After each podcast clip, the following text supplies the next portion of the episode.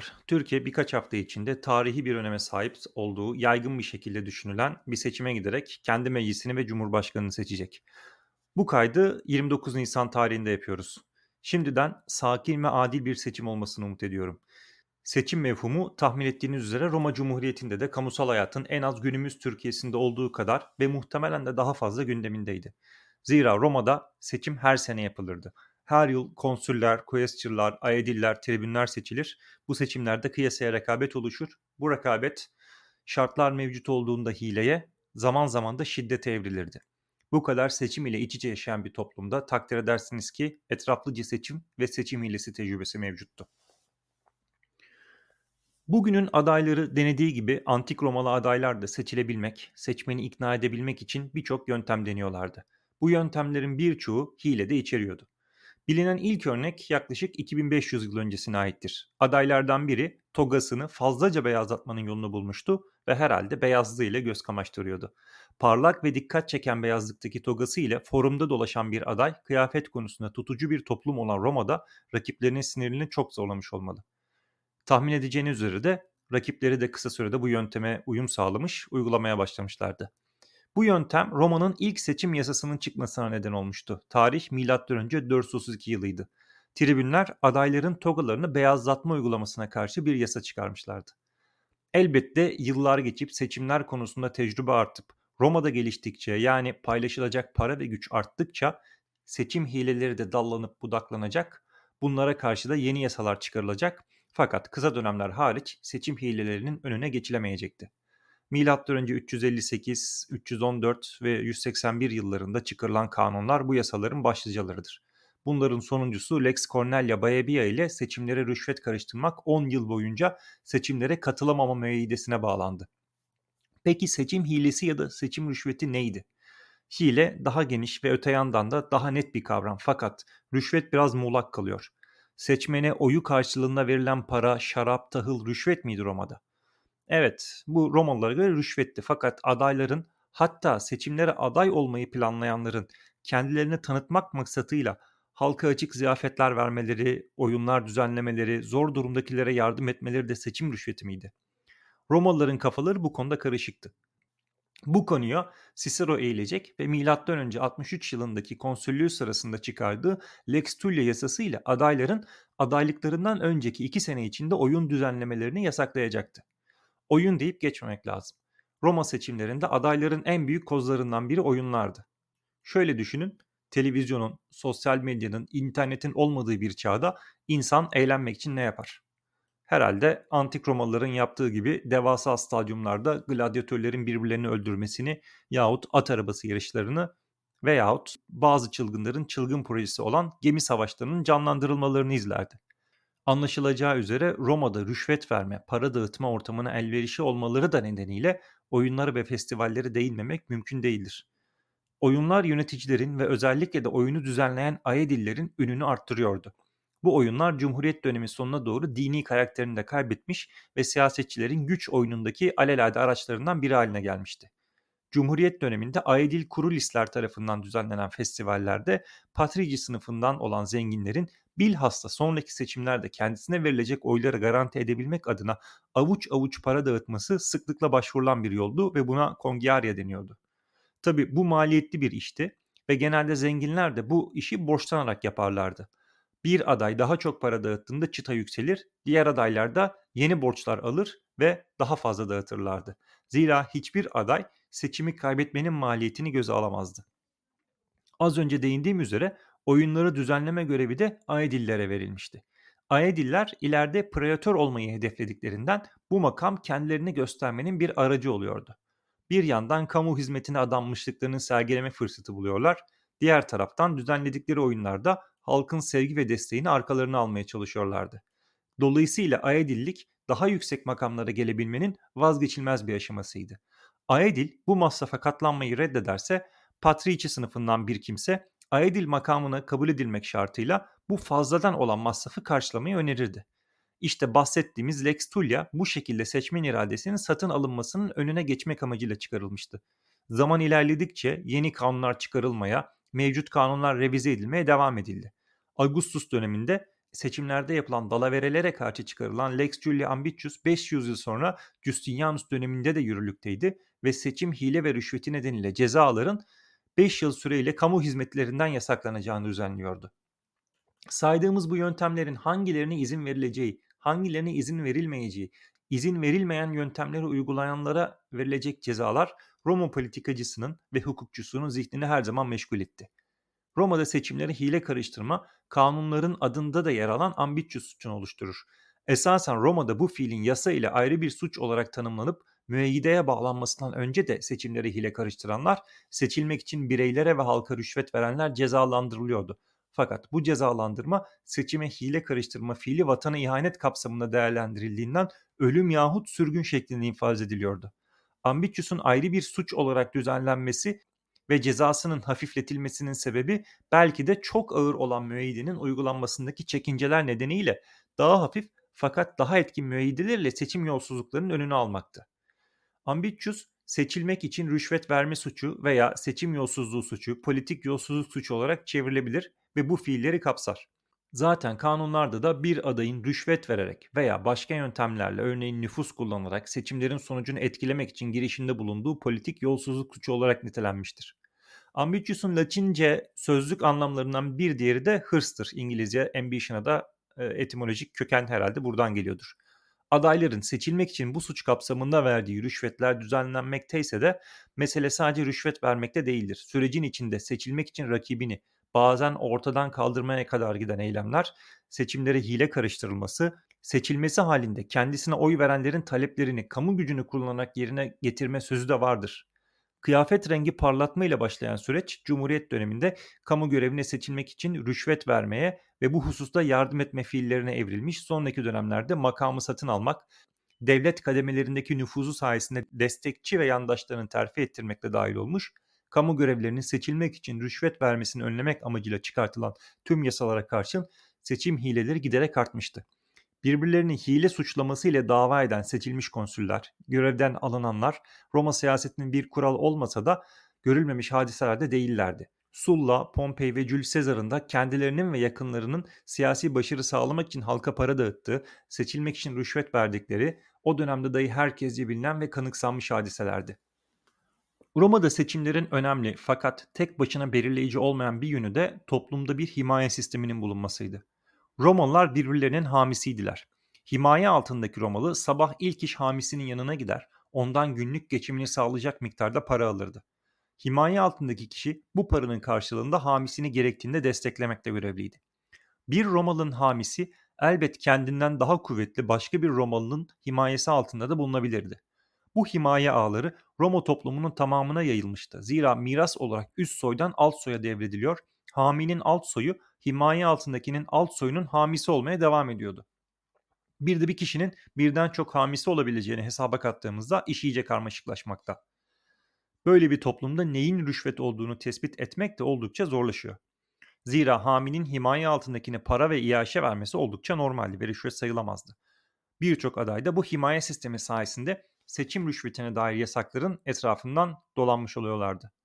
Küçük magistraların seçiminde bu ağlar iş görüyordu fakat konsüllük seçimi o kadar büyüktü ki bu ağlarda çoğu zaman yetersiz kalıyordu. Seçilme şanslarını arttırmak için konsül adaylarının kendilerini halka açık bir şekilde sunmaları gerekiyordu. Adaylığın özellikle de son döneminde forumda her gün olabildiğince sık dolaşmaları ve insanlara el sallamaları, selam vermeleri, insanlara isimleriyle hitap etmeleri gerekiyordu. Ek olarak konsül adayının etrafında büyük bir takipçi kalabalık olması da verdikleri mesaj bakımından önemliydi. Kalabalık bir takipçi grubu kişinin bir ekibe sahip olduğunu, seçildiğinde bu ekipten destek göreceğini, zaten seçimi çoktan kazandığı algısını sağlıyordu. Biraz önce bahsettiğim Lex Tullia yasası ile Cicero bu kalabalığın arasında gladyatör bulunmasını yasaklamıştı. Tabi bu göç gösterisinin yanında mütevazı bir şekilde insanların ellerini sıkmak da önemliydi. Roma'nın en önemli ailelerinden biri olan Scipiones ailesinden olan Publius Scipio Nasica gençliğinde Aedil adaylığı kampanyasını yürütürken forumda elini sıktığı çiftçilerden birinin elinin nasırlı olmasıyla dalga geçmek için yaptığı, isterse elleri üzerine de yürüyebileceği şeklindeki kabaca şakası dilden dile yayılarak seçimi kaybetmesine neden olmuştu. Bu kadar bahisten sonra belki de Cumhuriyet'in en çalkantılı yıllarındaki seçimlere şöyle bir kısaca bakmak gerekiyor. M.Ö. 197 yılında pretor sayısının 6'ya çıkarılması zaten daha o zamanlardan birikmekte olan sorunlara çarpan etkisi yapmıştı zamanla. Konsül olmak için öncesinde pretor olmak gerekiyordu ve ne kadar çok pretor varsa konsüllük seçimlerinde de o kadar aday ve sistemin biriken tıkanıklıkları nedeniyle de o kadar karmaşa ve hatta kargaşa meydana geliyordu. Sezar öncesi dönemin devasa figürleri olan Marius da Sulla da rüşvetle itham edilmişlerdi. Ancak hiçbir dönem yapılamayan, tekrarlanan ve iptal edilen seçimleriyle M.Ö. 67, M.Ö. 50 dönemi kadar podcast'te anlatmak adına insanın iştahını kabartmaz. M.Ö. 67, M.Ö. 50 yılları arasındaki tüm seçimlerde rüşvet iddiaları artık makamların da meşruiyetini sarsağı duruma gelmiş, seçimlerde hile ve rüşvetin yanında şiddetli çok ciddi bir sorun teşkil etmeye başlamıştı. Zaten bu yıllar Cumhuriyet'in biriken sorunlarının sistem içinde çözülüp çözülemeyeceğinin de esasen belli olduğu ya tamam ya devam yıllarıydı. Podcast'in ileriki bölümlerinde nasıl tamam dendiğini, Cumhuriyet'in nasıl imparatorluğa dönüştüğünü konuşuruz. Bu yılların seçim ortamını Cicero'nun kardeşi Quintus'a hazırlattığı söylenen seçim stratejisi kitapçığı Commentariolum Petitionis isimli kitapçıktan çok kısaca çıkarabiliriz. Halk bu kitapçıkta yazdığına göre halk onlara yardım edilmesinin zorluğunun anlatılması yerine onlara yalan söylenmesini doğal olarak tercih etmektedir.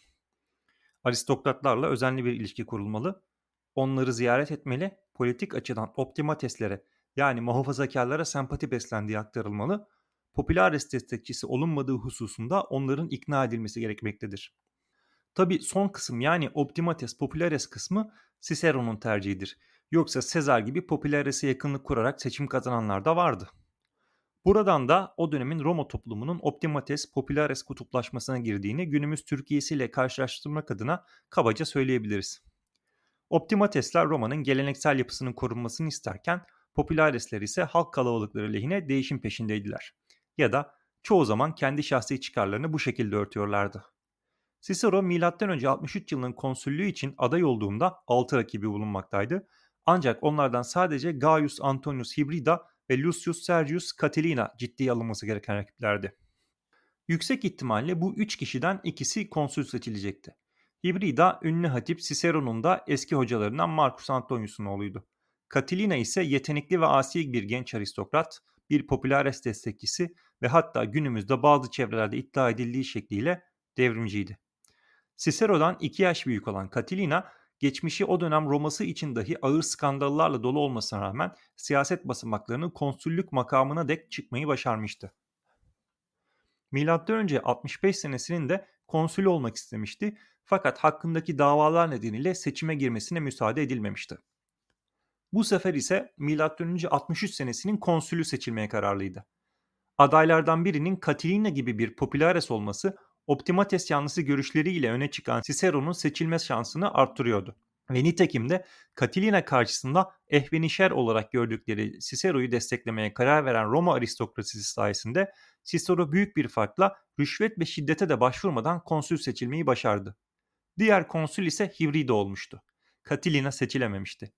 Catilina mağlup olduğu için çileden çıkmış fakat ertesi senenin seçiminde tekrar aday olmaya karar vermişti. Roma'da konsüllük seçimleri senenin ortasında yapılır. Fakat seçilen konsüller göreve bir sonraki senenin başında başlarlardı. Dolayısıyla seçim Cicero'nun konsüllüğünde gerçekleşecekti. Catilina genel bir borç affı vaadi ile oy toplamaya çalışıyordu. Bu vaat ona geçmişte destek vermiş Romalı orta sınıfı oluşturan esnaflar, orta boy ve küçük tüccarın ona sırtına dönmesine neden olurken kaybedecek bir şeyi olmayanları ve borç batağındakileri kendisine çekmişti. Cicero'nun senatoyu iknası ile Haziran'dan Eylül ayına ertelenen seçimi Catilina bir kez daha kaybetti. Yıllardır kaybettiği seçimler nedeniyle dağıttığı seçim rüşvetleri için aldığı borçların çoğunun vadesi 13 Kasım'da gelecekti. Bir şey yapmazsa iflas ve sürgün ihtimali ufukta belirmişti. Roma'da Catilina'nın bir kalkışmaya girişeceği dedikoduları dolanmaya başlamıştı. Henüz bu dedikodulara Cicero haricinde çok fazla prim veren olmasa da havada rahatsız edici bir koku olduğu da aşikardı. Böyle bir anda seçime rüşvet karıştırdığı iddiası ile Cato'nun seçimin galiplerinden Murena aleyhine dava açması ise her şeyi karıştırabilirdi. Munera seçim sırasında çok yüksek ihtimalle rüşvete başvurmuştu. Fakat Cato karakteristik zamanlama eksikliği ile çok kritik bir anda bu davayı açmıştı. Birkaç hafta içinde Cumhuriyete önderlik edecek konsullerden birini kriz zamanı ortadan kaldırmak tehlikeli olurdu. Bu yüzden Cicero Murena'yı müdafaa etmeye karar verdi. Senato'nun ve Cumhuriyet'in yüzleştiği vahim tehlikeyi vurguladı ve tecrübeli bir asker olan yandaşının bu konuda nasıl yardımcı olabileceğinden dem vurarak Murena'nın beraat etmesini sağladı. Catilina bu seçimde bir önceki seçimde elde ettiği siyasal desteği de kaybetmişti ve tekrar üçüncü olmuştu. Bu sefer gerçekten çileden çıkan Catilina seçimlerle konsül olamayacağı kanaatine varmış, gen vuramadığı hırsı onu başka yollar aramaya itmiş, toplumun memnuniyetsiz kesimlerini arkasına alacağı bir komplo tasarlamaya başlamıştı. Catilina, Cumhuriyet'in sadece kendi çıkarlarıyla ilgilenen değersiz ve adi bir zümre tarafından ele geçirildiğinden alenen bahsediyordu. Cicero senatoda ondan bu lafların açıklamasını istediğinde Catilina iki ayrı cumhuriyetten bahsedecekti. Halk kendisine rehberlik edecek bir başa sahip olmayan güçlü bir vücut, rakipleri ise kendilerine ciddi destek olacak varlıklardan yoksun, vücutsuz birer baştı. Halkın ihtiyaç duyduğu başın kendisi olduğunu ileri sürmekten de geri durmuyordu. Podcast'in daha da uzamaması için burada kısa kesip sonuca geleyim. Catilina gerçekten bir isyana kalkıştı ve yenildi. Roma'da isyan henüz başlamadan yakalanan yandaşlarının başlarına gelenler, adı geçmiş Sezar ve Caeto'nun konu üzerindeki atışmaları başka bir podcast bölümünün konusu olur başlı başına zaten. Adı geçmişken Caeto'nun bu bölümde neler yaptığını da kısaca değineyim. Cato M.Ö. 64 senesindeki başarılı questierlarının ardından M.Ö. 62 senesinin pleb tribünü olmak için aday oldu ve seçildi. Ancak her aday Cato gibi dürüst değildi aynı yılın konsülü olabilmek için yapılan seçimlerde ki bu seçimler hemen şimdi bahsettiğimiz Catilina'nın aday olduğu son seçimlerde muazzam seviyede rüşvet akıyordu. Rüşvet uzun zamandır bir sorundu. Fakat birkaç yıl önce Catilina ilk konsül adaylığı sırasında rüşvetin boyutunu görülmemiş bir seviyeye çıkartmış, rakipleri ve ardılları da onu takip etmişti. Keito böyle bir ortamda aynı yılın müstakbel pleb tribünü olarak böyle bir seçimin rüşvetsiz kazanılamayacağını öne sürerek seçimi kazananları dava edeceğini ilan etmişti. İşte o seçim Catilina'nın kaybettiği üçüncü seçimdi. Seçimin galipleri ise Cato'nun kayınbiraderi Decimus Julianus Silanus ve Lucius Licinius Murena'ydı. Cato o dönemin ahlak anlayışına uygun olarak kayınbiraderini dava etmedi. Fakat biraz önce bahsettiğim üzere Murena'ya dava açtı. Cicero'ya göre Murena'ya karşı Cato'nun böyle bir kriz zamanında açtığı dava son derece gereksizdi. Bu dönemde Roma biraz önce bahsettiğimiz üzere Catilina komplosu olarak bilinen tehlikeyle karşı karşıyaydı. Cicero'nun iddiasına göre Etrurya'da Catilinacı bir ordu toplanmış, Catilina da şahsen Roma'da bulunarak önde gelen senatörleri öldürme hazırlığındaydı. Tabi Cato tavizsiz katılı ile kimse ile hiçbir konuda fikir olamıyordu. Kendisinin de kabul ettiği üzere Cumhuriyet büyük bir kriz yaşıyordu. Fakat öte yandan vaat ettiği üzere hileli konsülük seçimlerini kazanan kişileri göreve başlamadan önce de dava edecekti. Cicero'nun Murena'yı savunup beraat ettirdiğini biliyoruz zaten biraz önce bahsettik. Caeto'nun davası Cicero'dan sonra göreve başlaması gereken konsüllerin göreve başlayamamasına böyle bir kriz anında Roma'nın konsülsüz kalması neden olabilecek bir hareketti. Cicero'ya göre Cato kullanışsız felsefi prensipleri gerçek dünyaya zorla dayatan naif bir idealistti. Cato ilerleyen zamanla beraber M.Ö. 54 yılının preatörü olarak da seçilecekti. Yani bir anda yaklaşık 7-8 yıl ilerledik. Preatörlüğü esnasında seçim rüşvetini yasaklayan bir yasa tasarısı önerdi. Tasarıya göre aday olmak isteyenler mal beyanında bulunmak zorunda olacaklardı. Tasarı senatodan geçse de halk meclisinden geçemedi. Zira halk seçim zamanı dağıtılan rüşvetlerden memnundu.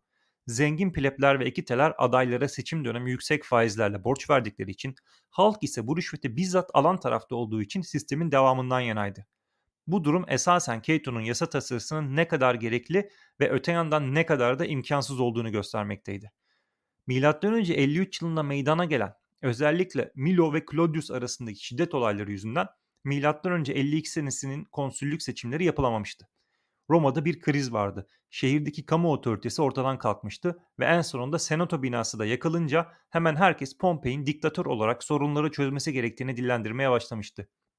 Durum o kadar vahim bir hal almıştı ki usullerin ve kuralların inatçı savunucusu Cato dahi herhangi bir hükümet hiç hükümet olmamasından daha iyidir diyerek Pompey Magnus'un diktatörlüğünü olmasa da tek başına konsüllüğünü desteklemişti.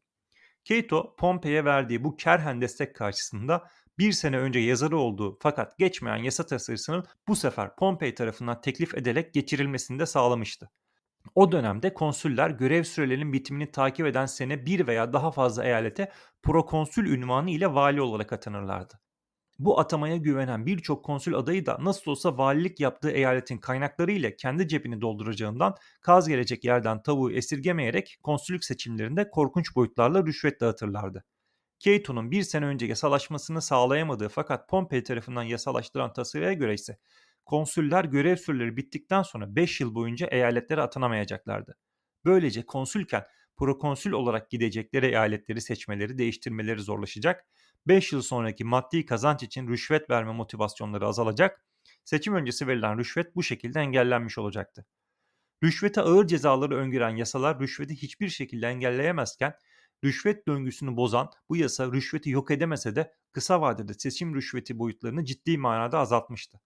Bu şartlar altında M.Ö. 51'de konsülle aday olan Cato kendisini Cumhuriyeti tiranların elinden kurtarmış efsanevi bir Roma kahramanı olan Lucius Quintus Cincinnatus ile özdeşleştiriyor. Cumhuriyeti Sezar ve Pompey'den kurtaracağını ilan ediyordu. Bu asil yolda seçmenleri kendi tarafına çekmek için hiçbir şey yapmayacağını beyan etmişti. Öyle ya, kendisi Cumhuriyet'in babasıydı herhalde öyle görüyordu. Kullanacağı araçların da amacının asilliğine uygun olması gerektiğini de düşünüyor olmalıydı. En nihayetinde Cato çok sayıda kişi tarafından takdir edilmiş ancak bu takdir oya dönüşmediğinden konsül seçilememişti. Cicero, Cumhuriyet'in Cato'ya ihtiyacı olmasına rağmen onun seçimi kazanmak için hiçbir zaman zamanın gerektirdiklerini yapmaktansa Mos Maiorum'a yani Roma'nın ilk döneminin geleneklerine bağlı kalmasını eleştirmişti. Acaba Cato da bizim hatırlayanlar olacaktır. Osman Bölükbaşı gibi kendisini alkışlayan fakat oy vermeyen kalabalığa harmanı bol tanesi az milletim diyerek seslenmiş midir? Seçimlerde rüşvet azalmıştı. Fakat şiddet kesinlikle azalmamış. Hatta rüşvetin işleri güzellikle çözen, tırnak içinde söyledim, güzellikle çözen etkisi ortadan kalktığında şiddete açılan alan da belki de artmıştı. Sezar'ın müttefikleri M.Ö. 50'li yıllardaki seçimlerde Roma'da gözdağı ve şiddet temalı bir kampanya yürüterek hem kendilerini konsül seçtirmişler hem de alt kademedeki magistralıkları da kendi yandaşları ile büyük ölçüde doldurmuşlardı. Üçlü istedikleri yasaları geçirmek için de şiddete başvurmaktan geri durmayacaktı. İşin içine şiddet girince M.Ö. 53 yılındaki olaylara bir göz atmak, bunun içinde Publius Claudius Pulcher'e çok kısaca değinmek durumundayız. Yalnız konu dallanıp budaklanıyor Claudius da ele avuca sığmaz esnekliğiyle çok zamanımızı alır. O yüzden kısaca bir iki cümleyle triumvirlerin Cicero'yu dengelemek için bazı pis işlerini yapmak üzere kullandığı bir patrici olduğunu belirtelim. Gerçi çok sonra tartışmalı bir şekilde plebs statüsüne de geçecekli. İleriki bölümlerde anlatacağız zaten. Triumvirler, kimde triumvirler? Sezar, Crassus ve Pompey. Bunları önceki bölümlerde konuşmadık çünkü o bölümleri henüz çekmedik fakat sonraki bölümlerde anlatacağız. Triumvirler daha sonra Claudius'u dengelemek için Milo'yu kullanmak zorunda kalacaklardı. Claudius ve Milo arasındaki kavga da bizi M.Ö. 53 yılındaki seçimlere getirecekti. Milo ve Claudius'un yönettiği sokak çeteleri Roma'da kamusal hayatı kontrol eder hale gelmişti. Öyle ki gelecek yılın konsüllerinin ve diğer magistraların belirleneceği seçim bile yapılamamıştı. En sonunda Milo ve çetesinin Claudius'u öldürmesinin ardından Claudius taraftarlarının Roma'nın gücünün merkezi ve simgesi olan Senato'nun binasını yakmaları herkesi dehşete düşürmüştü. Hemen hemen herkes o dönemde yaşayan en başarılı Romalı kabul edilen Pompey'in diktatör olup düzeni sağlamasını istiyordu. Roma sokakları ortalık çok karıştı. Bu sefer Pompey'e basacağım. Bir tek bizi Pompey kurtarır. Doğru adam doğru zaman lakırdılarıyla dolup taşıyordu. Zaten sonrasında olanlar podcast'in dinleyicileri için malum dedim yine hata ettim. O bölümleri henüz yayınlamadık. Yayınlamadık fakat hazırladık. Yani en azından araştırmamız ve metin tamam ya da tamam sayılır. Makarnacılar Birliği Başkanı kadar iddialıyım. Kimse merak etmesin. Gerekirse ülkeyi Roma podcastine boğarım. Tabi birkaç aydır hiçbir bölüm yapmıyor olmam işin şakası. Neyse konuya dönelim. Roma'da seçimler nasıl olurdu? Sonuçta Roma özüne indiğimizde en azından Cumhuriyet boyunca esasen bir şehir devletiydi. Sınırları ve hakimiyet alanı ne olursa olsun seçilenlerin esas görev ve yetki alanı da Roma şehrindeydi. Koskoca Akdeniz Havzası'nın tamamının kaderini etkileyen seçimler de Roma şehrinde yapılıyordu. Atina'da ikamet eden bir Roma yurttaşıysanız Atina'da Cumhuriyet'in bir parçası olmasına rağmen oy vermek için Roma'ya gitmek zorundaydınız. Zira Roma bir şehir devletiydi. Roma seçimlerinde oy vermeye giderken seçmenlerin ayrı yürüyüş yolları olurdu ve böylece seçmenlerin son anda birbirlerini etkilemelerinin ve agite edilmelerinin önüne geçilmeye çalışılırdı. Bizim sistemimizdeki seçim mahallindeki propaganda yasağı da aynı amaca yöneliktir. Bu yollar farklıydı fakat herhangi bir yolda olamazlardı. Pomerium'a öyle her yerden girip çıkamazdınız. Pomerium'un ne olduğunu dinleyiciler biliyor. Fakat hem yeni dinleyiciler hem de unutmuş dinleyiciler için kısaca özetleyeyim. Roma'nın tüm Akdeniz havzasının hakimi iken dahi aslında şehir devleti yapısını koruduğundan bahsetmiştik. Dolayısıyla şehrin sınırları ile bu sınırın dışında kalan topraklar arasında bir fark olmalıydı. Roma şehrinin sınırları Roma'nın hukuki, dini ve politik yaşamı için kati derecede önemliydi. Bu sınırın içindeki bölgeye Pomerium denirdi. Pomerium'un dışı ise Ager olarak adlandırılırdı. Roma yöneticilerinin yani magistraların yetkileri Pomerium'da ve dışında farklıydı. Hatta eyaletlerden birine vali olarak atanmış bir prokonsül Roma'ya geldiğinde Pomerium'dan içeri girdiğinde sivil bir yurttaşa dönüşürdü. Bir örnekle daha net açıklayayım bunu. Diyelim ki Galya valisisiniz. Fakat konsüllüğe aday olmak istiyorsunuz. Roma bir şehir devleti olduğundan bizzat şehre gelip adaylığınızı forumda ilan etmek zorundasınız. Tabi şehirde hiçbir yetkiniz ve dokunulmazlığınız da yokken sizin yokluğunuzda rakipleriniz şehirde güçlenmişlerse ciddi bir ikilem içine düşersiniz. Nitekim Sezar da düştü o ikileme ve takip eden olaylar Cumhuriyet'in sonunu getirdi. Pomerium'a girmekten bahsettik ya nasıl oluyor da ondan da bir bahsedelim kısaca. Pomerium'a ancak belirlenmiş ve her biri kutsal olan kapılardan girilebilirdi. Başka bir yerden giriş yine Roma'ya saldırı olarak kabul edilirdi. Çıkış içinde aynı şekilde bu kapılardan geçmek gerekiyordu. Bunun en pratik sonucu Roma seçimlerine katılımı düşürmektir. Roma'da seçimler genelde Pomerium dışındaki Campus Martius'ta yapılırdı. Roma'da en önemli magistraları hangi meclis seçiyordu? Comitia Centuriata yani tüm Roma yurttaşlarının katılabildiği ve askeri sınıflar olarak oy kullanabildikleri meclis. Bu meclis askeri niteliği nedeniyle seçimlerini Pomerium dışında yapardı. Zira Pomerium içinde silah taşınamazdı. Campus Martius'a gitmek için de o taraftaki kapılara yönelen halk izdihama neden olurdu. Bu sebeple de katılım düşerdi. Ancak zengin patrici ve zengin plebler birkaç gün önceden Roma dışındaki villalarına gidip seçim günü rahatça Campus Martius'a gelerek oylarını rahatça kullanabiliyorlardı. Bu imkandan yoksul olan halk için ise oy kullanma oldukça eziyetliydi. Üst sınıfların oylarının ağırlığının da daha fazla olduğunu da hesaba kattığımızda ikinci sınıftan itibaren pleblerin seçime katılması da pek anlam ifade etmiyordu çoğu zaman. Anlaşılacağı üzere Roma'da herkesin oyu eşit değildi. Gerçi Roma'da yurttaşlar olarak da oy kullanılmıyordu. Yurttaşların mensubu bulunduğu sınıf yahut kabile tek bir oy kullanırdı. Biraz detaya girelim. Roma'da her yurttaşın mensubu bulunduğu iki yapı vardı. Comitia Centuriata ve Comitia Tributa. Comitia Centuriata'da her sınıf kendi içinde centuryalara bölünmüştü. Klasik halindeyken Comitia Centuriata'da 8 sınıf bulunurdu. En üstte 6 blok ile patriciler bulunurdu. Bu sınıflarında blok blok kendi işlerine bölünmüş olduklarını bir belirtmem lazım. Ve bu blokların her biri tek bir oy kullanırdı. En üstte 6 blok ile patriciler bulunuyordu. Bu sınıf servete göre değil ailesinin kökeni Roma'nın kuruluşuna kadar giden kişilerden oluşurdu ve nüfusları çok az olmasına rağmen 6 bloğa yani 6 oya sahiplerdi. Onlardan sonra atlılar yani ekiteler gelirdi 12 bloğa sahiplerdi. Onların altında aristokrat olmayan zenginliklerine göre 5 sınıf bulunuyordu. Birinci sınıf 80, ilki 3 ve 4. sınıflar 20'şer, 5. sınıf ise 30 bloğa sahipti. Nüfus olarak en kalabalık olan, hiç serveti olmayan proletari ise 1 bloğa sahipti. Bunlara uzmanlar ve zanaatkarlar ayrılmış 4 blokta eklenince toplamda 193 blokluk meclis oluşuyordu. Oylamaya herkes katılıyordu fakat bloklar servet esasına göre belirlendiğinden zenginlerin oyu oylamanın sonucunu çoğu zaman tek başına belirlemeye yetiyordu. Oylamalarda önce üst sınıflar oy kullanır, sırayla oy kullanma sırası alttaki sınıflara geçerdi. Patriciler atlı sınıf yani ekite ve birinci sınıf oyları çoğunluğu elde etmeye yettiğinden birçok oylamada diğer sınıfların, centuryalarının oy kullanmasına dahi gerek kalmazdı. Çoğu durumda çıkarları aynı doğrultuda olan üst sınıfların ittifakı ile istenen kararın çıkması yeterli oluyordu. M.Ö. 241 yılında Comitia Centuriata'nın oluşum yapısı değiştirilmiş, 193 olan Centuria sayısı 373'e çıkarılarak seçkin çoğunluğu tekeli kırılmış, yeni çoğunluk sistemiyle de daha demokratik bir oylama yapısına geçilmiş, böylece seçimlerde 3. sınıfta etkili olabilme şansına kavuşmuştu. Oylamalarda her Centuria bloğu bir oy olarak hesap edilmiştir. Comitia Centuriata, imperium sahibi magistralıklar olan konsül, pretor, sensör seçimlerinin yapıldığı lex yani yasa çıkarma yetkisine sahip en önemli cumhuriyet meclisiydi. Diğer bir yapı ise tribus. Roma halkının nüfus ve toprak bakımından yapılandırılmasında idari birim olarak ifade edilebilir. Roma toprakları genişledikçe başlangıçta 4 olan sayıları artarak M.Ö. 241 yılında 35 sayısında sabitlenmiş. Tribusların 4'ü şehir, kalan 31'i taşra yani köy tribusu olarak belirlenmişlerdi.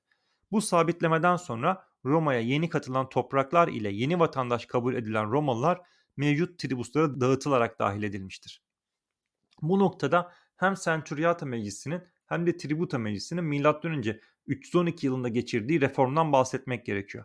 Bakın meclis diyorum fakat aklımıza seçimle oluşan bir meclis gelmesin. Her Romalı'nın katıldığı esasen yasalara evet ya da hayır oyu veren ve yöneticileri seçen yapılar bunlar. Roma'da yurttaşların sınıfları yerleşikler arasından toprak serveti esasına göre belirleniyordu. Fakat Roma giderek tüccarın, esnafın, zanaatkarın geliştiği bir şehir olarak artık bunların da kayda değer fakat toprağa dayalı olmayan servetlere sahip olduğu bir şehir haline gelmişti.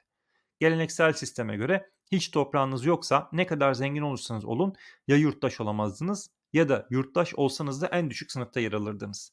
Bu sorunu çözmek isteyen Appius Claudius sensör olarak vatandaş listelerini oluştururken şehirde oturan taşınır servet sahibi plebleri ve azat edilmiş köleleri yerlerini değiştirmeden taşra tribuslarına dağıttı. Böylece bu kişiler hem Comitia Tributa'da hem de taşınır servetleri de hesaplandığı için Comitia Centuriata'da önemli bir yer edindiler. Özellikle Comitia Tributa'da çok etkin hale geldiler.